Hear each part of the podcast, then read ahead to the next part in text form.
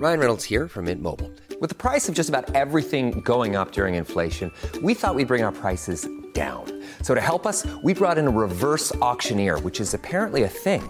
Mint Mobile unlimited premium wireless. Ready to get 30, 30, bit to get 30, bit to get 20, 20, 20, bit to get 20, 20, bit to get 15, 15, 15, 15 just 15 bucks a month. So, Give it a try at mintmobile.com slash switch. $45 upfront for three months plus taxes and fees. Promo rate for new customers for limited time. Unlimited more than 40 gigabytes per month. Slows. Full terms at mintmobile.com. Every year, one thing is always predictable postage costs go up. Stamps.com gives you crazy discounts of up to 89% off USPS and UPS services, so your business will barely notice the change. Stamps.com has been indispensable for over 1 million businesses just like yours. It's like your own personal post office. No lines, no traffic, no waiting. Sign up with promo code PROGRAM for a four week trial plus free postage and a free digital scale. No long term commitments or contracts. That's Stamps.com code PROGRAM. Snacka snyggt är tillbaka och jag är så glad att du är här. Har du någonsin känt att du blivit överkörd av argument och fulknep du inte kan sätta fingret på? Du går med på det andra vill i allt ifrån lön till kompromisser med din fritid. Men du gör det inte för att du är övertygad, utan övertalad. Du känner inte att du har något bättre att komma med och du har heller inte byggt upp ett motstånd mot fula förhandlingsknep.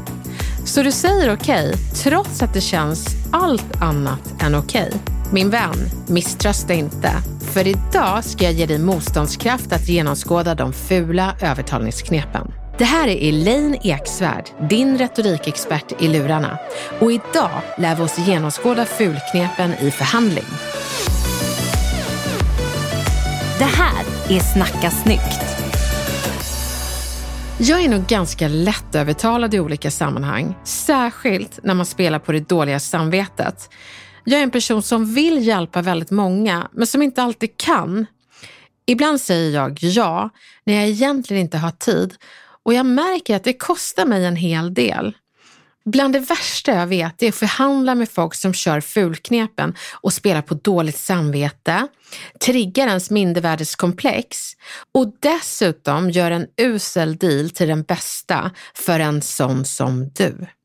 Alltså det kokar i mig bara jag nämner det här, så jag tycker vi kastar oss rakt in i att identifiera hur fulförhandlaren gör och vad du ska göra och säga för att inte låta det dåliga samvetet eller mindervärdeskomplexen krypa in under skinnet. Du ska ha motståndskraft. Nu kör vi!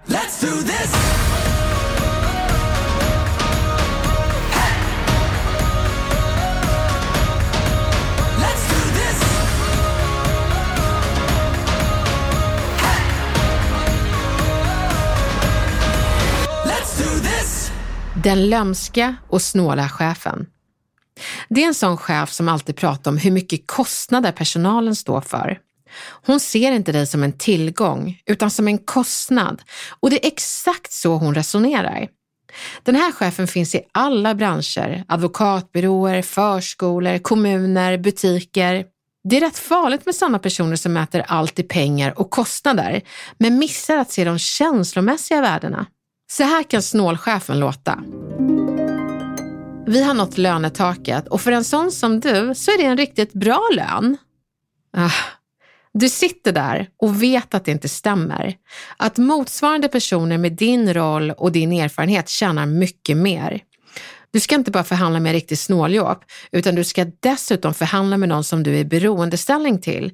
Så det är en svår balansgång att både dela med att personen undervärderar dig en sån sak sårar ju. Och dessutom övertygar människan om att du är värd mer.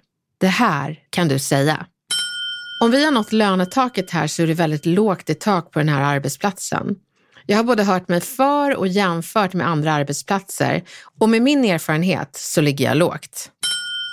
Det du behöver göra det är att peka på fakta och exempel. Inte säga det tycker inte jag, utan använd vardagsmakten auktoritetsmakt. Det är ju när du pekar på hur det faktiskt är. Du använder trovärdig retorik med säkra påståenden, sådana som “det stämmer inte”. Och sen hänvisar du till fakta, siffror och statistik. Det är viktigt att du inte blir känslomässig, utan mer faktamässigt undervisande. Snålchefen kan också säga sådana kostnader har inte vi råd med för din tjänst. Här säger chefen kostnad. Men en bra chef som uppskattar sina medarbetare ser inte en bra lön som en kostnad, utan som en investering. Och är det så att chefen vill, men faktiskt ekonomiskt inte kan ge dig högre lön, så säger man inte kostnad eller för din tjänst. För det är underminerande. Man säger, jag vill verkligen ge dig en högre lön, men jag kan inte det. Och jag vill vara transparent med det. Skulle det bli ändringar så är det första vi gör, det är att korrigera din lön. Du hör ju själv. Man kan jobba för en lägre lön om man har en chef man litar på och vill göra en justering så fort förutsättningarna finns. Men det snålchefen säger är ju, sådana kostnader har vi inte råd med för din tjänst. Då kan du säga, det är trist att du ser det jag gör som en kostnad och i min tjänst gör jag mer än vad som står i min arbetsbeskrivning. Att ha personal som känner sig rättvist avlönade borde inte vara en kostnad utan en investering. Eller vad tänker du? Alltså Camilla, här är jag så nyfiken på hur du känner. Oj, ja. ja. Gud vad svårt att säga en sån sak. Men det är svårt att förhandla. Det är liksom ingen... Många vill att det ska vara bekvämt att förhandla, annars kliver de inte in i rollen. Men det är ungefär som att man tycker att det inte ska vara, det ska inte vara ansträngande att träna. Jag vill liksom helst inte att pulsen ska gå upp och så vill jag inte svettas heller. Min vän, då tränar du inte. Så att förhandling är lite obekvämt. Men det behöver inte bli odrägligt och det blir det bara om man använder fulknep. Men vad skönt att du säger det ändå, Elaine, för jag tror faktiskt att du satte fingret på något jätteviktigt där.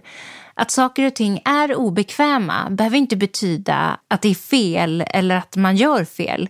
Utan det kan ju helt enkelt vara så att det är obekvämt. Att man liksom får förlika sig med det, att det är känslan. Exakt. Och det är det jag vill att vi svenskar ska lära oss, för vi har ju det rent kulturellt att vi inte vågar förhandla. Vi vill inte kliva in i det förrän det känns riktigt bekvämt och härligt. Men, men det är inte så bekvämt, men det behöver inte vara odrägligt. Det kan vara drägligt. Helt okej. Okay. Ja, och så är det ju också att det, finns ju lättare förhandlingar och så finns det svårare.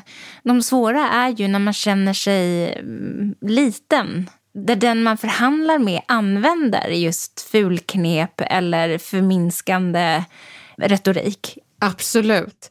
Och det är sådana som använder metoder som härstammar från 1900-talet. Det var länge sedan, men man återanvänder den här gamla tekniken att trycka ner och övertala Istället för att lyfta upp och övertyga att pitcha in sitt bud istället för att trycka ner för att få sin vilja igenom.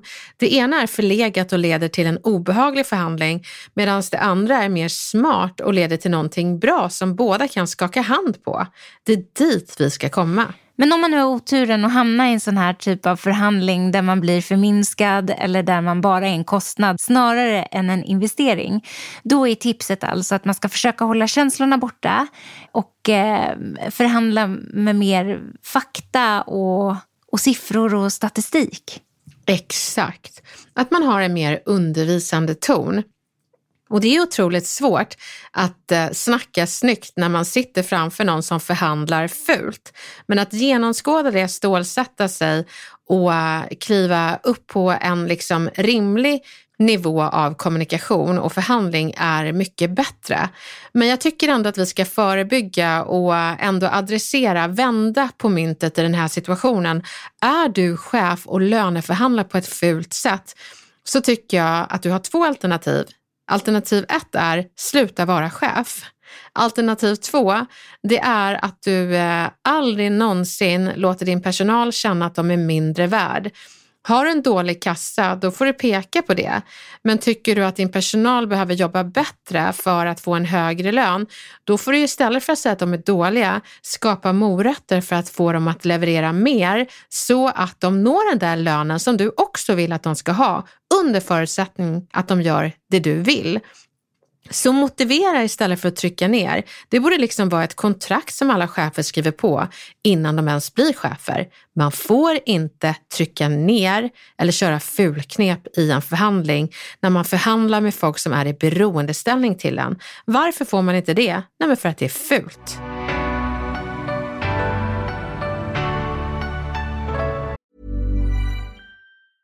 Ryan Reynolds here from Mint Mobile. With the price of just about everything going up during inflation, we thought we'd bring our prices down. So to help us, we brought in a reverse auctioneer, which is apparently a thing.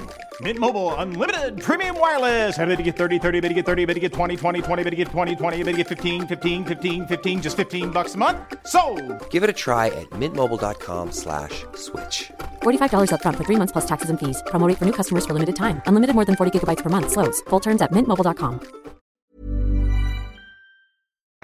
Men hur är det att förhandla med sin partner då? Hur mycket vi än må älska vår partner så finns det såklart de som använder fula förhandlingsknep för att få sin vilja igenom. Och det kan ju också bli så att de gör avkall på partners utrymme. Så när din partner gör det är det bra att du känner igen det och har svar på tal. Du kanske är helt slut och skulle verkligen behöva tid från barnen med dina vänner.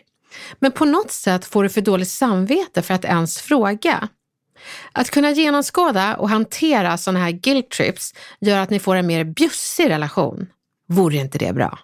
Lyssna på hur det kan låta. Du. Jag skulle vilja träffa vännerna i helgen. Partnern. Alltså jag har jobbat så sjukt mycket den här veckan. Jag kan inte ha barnen själv då. Här ställs ditt behov av vuxentid och en paus emot partners jobb. Kanske är du föräldraledig och står i hela veckorna och kanske är det så att partnern jobbar. Oavsett så ska ditt behov av en paus aldrig ställas mot partners behov av vila.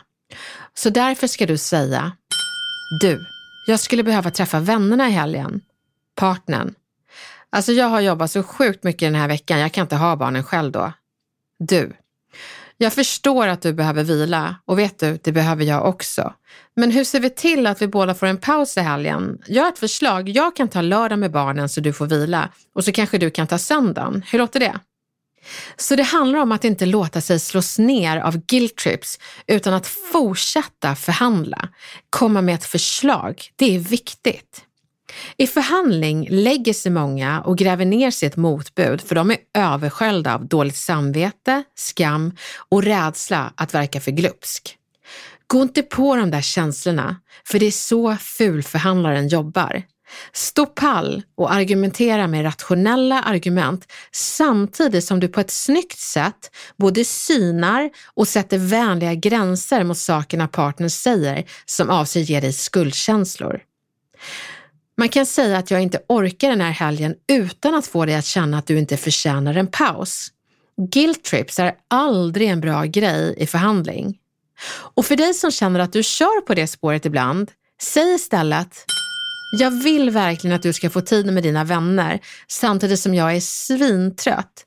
Så ska vi försöka komma på hur vi kan få en paus var för sig i helgen. Det känns ju också lite konstigt att man kommer på att ens partner är fulförhandlare. Jag håller med. Men grejen är den att ofta ser man ju det ofrivilligt och omedvetet. Det är inte så att man bara, jag vet, nu ska jag fulförhandla med min partner. Det kan bara bli liksom ett spår som halkar ner i och så fortsätter man det spåret i förhållandet och åren går och man liksom tröttnar på att ens be om någonting för man känner sig så skyldig. Så det är väldigt bra att kunna identifiera omedvetna mönster i fulförhandling i relationen och ta sig ur det.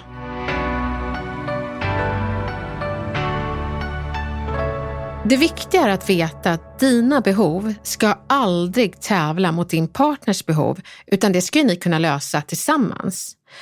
För båda vinner ju faktiskt på att båda mår bra. Så låt aldrig, aldrig din partner bli bestraffad för hen fick en helg ute.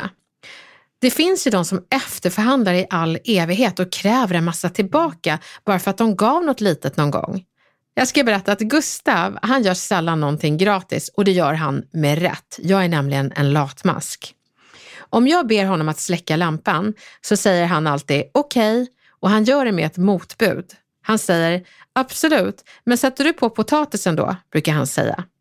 Jag tror han har genomskådat att jag kan vara en riktig latmask ibland, men samtidigt tycker jag att ibland kan han bara ställa upp. Så jag har börjat kontra honom. Jag säger Gustav, kan du släcka lampan? Han. Absolut. Kokar du upp potatisen då? Han säger det medan han är på väg till lampknappen och jag väntar tills han har tryckt på den och så säger jag nej. Han. Va? Jag. Du kan inte motbuda allt jag ber dig om. Man måste göra några saker villkorslöst. Han ler och skakar på huvudet åt sin latmask.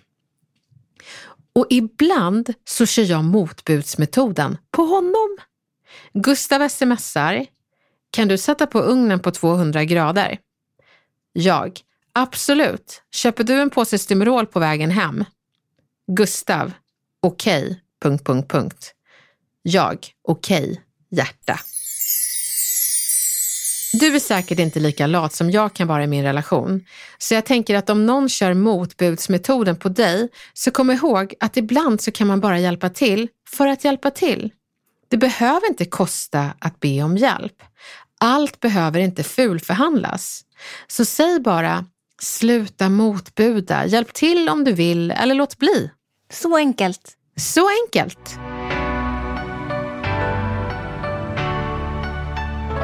Förhandlingar finns på så många olika plan i livet. Och om du känner igen dig att omedvetet vara fulförhandlaren ibland, så misströsta inte. Att du vet det är ett första steg mot att sluta vara det. Det finns en till fulförhandlare som jag vill ta upp som jag brukar kalla narren. Han tycker att alla dina bud är ett skämt och skrattar högt åt dem. Så jag tänker att Camilla, du ska få kontra mig, den store narren. Åh, spännande. Mm. Nu är vi i butiken och du vill pruta på en produkt och då måste jag bara fråga, brukar du göra det? Nej, alltså inte jättegärna och när jag gör det så tycker jag att det är så läskigt. Så obekvämt. Det är en lång startsträcka. Ja, men jag tycker det är ändå häftigt att du vågar vara obekväm. Jag kan villigt bekänna att pruta, det är inte min grej. Jag tycker det är läskigt. Så det är skönt att jag får vara narren på den här sidan av myntet. Ja, men då kör vi. Varsågod. Jag skulle vilja betala 20 kronor för den här vasen. Nej du, det där, du skämtar med mig eller? Nej, men jag har sett att eh, de brukar gå för 15 kronor på andra ställen så jag tycker ändå att det är ett överpris. Ja, men det var nog någon som skrev ett dåligt skämt och så, så läste du det. Gud vad dålig jag är på vannar. Ja, det gick inte alls bra för dig. Nej, det gick mycket bättre för dig. Men du gjorde ju exakt det man ska göra. Du skämdes ju inte. Du hakade inte på mitt skratt. Och uh, du, du höll det bara till den sakliga nyhetsuppläsaren och sa, fast jag har sett att det är så här. Och då var det lite som skrattet fastnade i halsen på narren. Så sjukt bra jobbat. Man lär sig. Vi kör en till då. Nu är vi ett par och du vill träffa dina vänner. Varsågod. Peter, jag skulle så gärna vilja träffa mina vänner i helgen. va? Skämtar du? Jag har ju jobbat hela veckan. Du skojar va? Nej men gud vad oskönt. Vad säger man, ja. vad svarar man på det? Ja, alltså jag skulle nog säga någonting i stil med, eftersom det är... Jag gör slut. Ja, man vill ju göra slut med en sån där. Du, jag har ett ännu roligare skämt. Jag gör slut. Skrattar du nu eller? Bye bye. Nej men så ska vi inte göra. Men men jag tror att man ska säga någonting. Att, vet du, jag tycker det är väldigt oskönt att du börjar skratta och kalla mina behov som ett skämt när jag ber om att träffa mina vänner. Gör inte så. Om han då någonstans förstår vad han har gjort, för mm. att han kanske faktiskt inte förstod det i ett första läge, då borde han ju backa. Då backar man bandet. Och gör man inte det, ja, men då är man ju oskön. Då puttar man ut honom ja. ur relationen. Vi går från äh, den där partnern vi inte vill ha som narr till chefen. Vi löneförhandlar, du förhandlar upp din lön. Jag tycker det är ett skämt. Vi kör. Jag skulle vilja få upp min lön till 42 000 kronor i år. Nej, va? Nej men nu skojar du. Skämtar du? Skämtar du bara? Vill du vara rolig? Du skojar va? Jag skulle vilja förhandla upp min lön med 2 000 kronor med tanke på... Punkt, punkt, punkt. Så du stålsätter dig och bara går tillbaka till ursprungsmeningen? Ja. Det var väl jättebra, för jag kan ju inte upprepa min. Det var som att du låtsades att jag inte... Jag kan inte svara på det, utan jag måste bara så här sansa mig och bara stålsätta ja. mig. Eller? Och säga samma sak igen utan att eh, liksom gå in i, nej det är inte ett skämt. Fast det kan man ju säga, nej nej det är inte ett skämt utan jag menar allvar. Och uh, hoppas att du ser det också. Ehm, jag vill ha 42 000 i lön och det jag baserar det på är inte ett skämt utan det här. Och så presenterar man det undervisande, fakta, statistik och så vidare. Men det är ju en förnedring när en chef skrattar åt ett bud som man tycker att man är värd. Så ett tips till chefen, sluta vara chef eller skärp dig. Så konklusionen av det här måste ändå vara att var inte en narr i förhandlingssituationer. För det är ungefär som att vara en skitstövel. Var inte en skitstövel. Vi är bättre än så.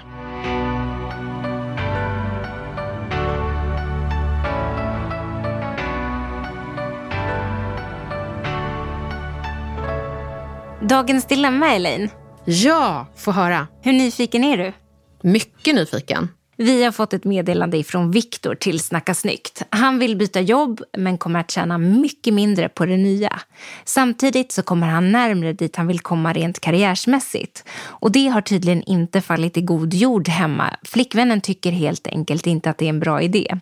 Så han skulle bli tacksam för bra förhandlingstips och bra knep om du sitter inne på några sådana. Wow, den här stora karriärsfrågan som kanske påverkar hela relationen och tillvaron. Intressant. Precis. Förmodligen är det så att eh, Viktors partner ser allting i vardagen som kommer rivas upp. Alla rutiner, eh, liksom tillvaron hon har som hon uppenbarligen tycker om. Så det Viktor behöver sälja in och faktiskt kunna se, det är en annan tillvaro som är minst lika bra, om inte bättre. Så att det inte bara handlar om att det är en möjlighet för honom utan eh, ett spännande äventyr för de två som par.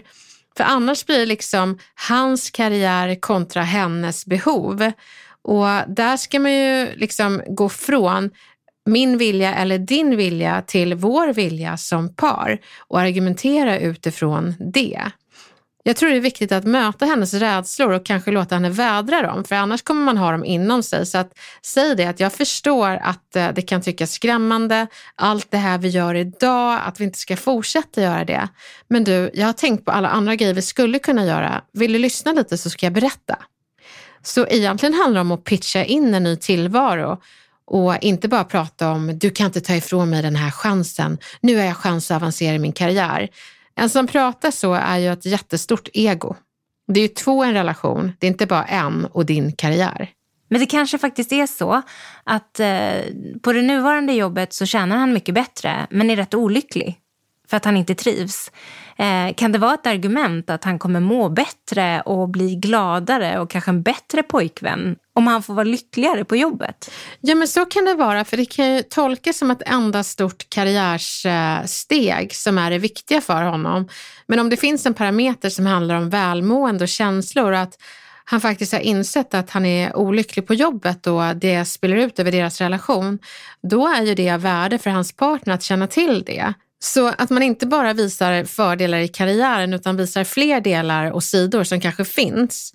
Men att man samtidigt inte glömmer partners delar och att du förstår att det här kan påverka och att du eh, ändrar en tillvaro som ni har haft och trivs i.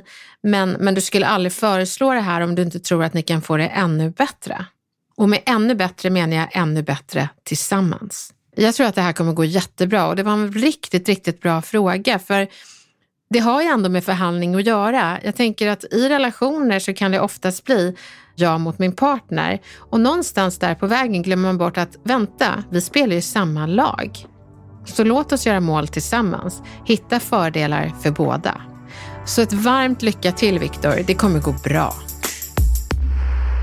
Men för att avsluta det här så ska man veta att det finns väldigt många som är upplärda i den gamla skolans förhandlingsteknik där målet är att trycka ner personer så att de går med på ens bud. Att man spelar på dåligt samvete. Jag är så glad att mina retorikkollegor på Retorikbyrån jobbar för att skola om folk att inte förhandla fult utan förhandla smart. Att du genomskådar vad din chef, partner eller kanske kompis gör är inte bara bra för din egen värdighet utan också för deras kommunikation. Säg att när de fulförhandlar så lämnar det dig med en dålig magkänsla och att du vet att de är mycket finare personer än deras fula förhandlingsteknik. Och som alltid, säg det snyggt. Tiden för när du utsätts för fulförhandling är förbi, för nu genomskådar du när folk ger dig dåligt samvete, mindervärdeskomplex och skam. Du kommer kunna stå över de känslorna för du ser vad de gör och inte bara det. Du vet vad du ska säga. Det kommer gå riktigt bra. Lycka till så hörs vi snart igen. Let's do this.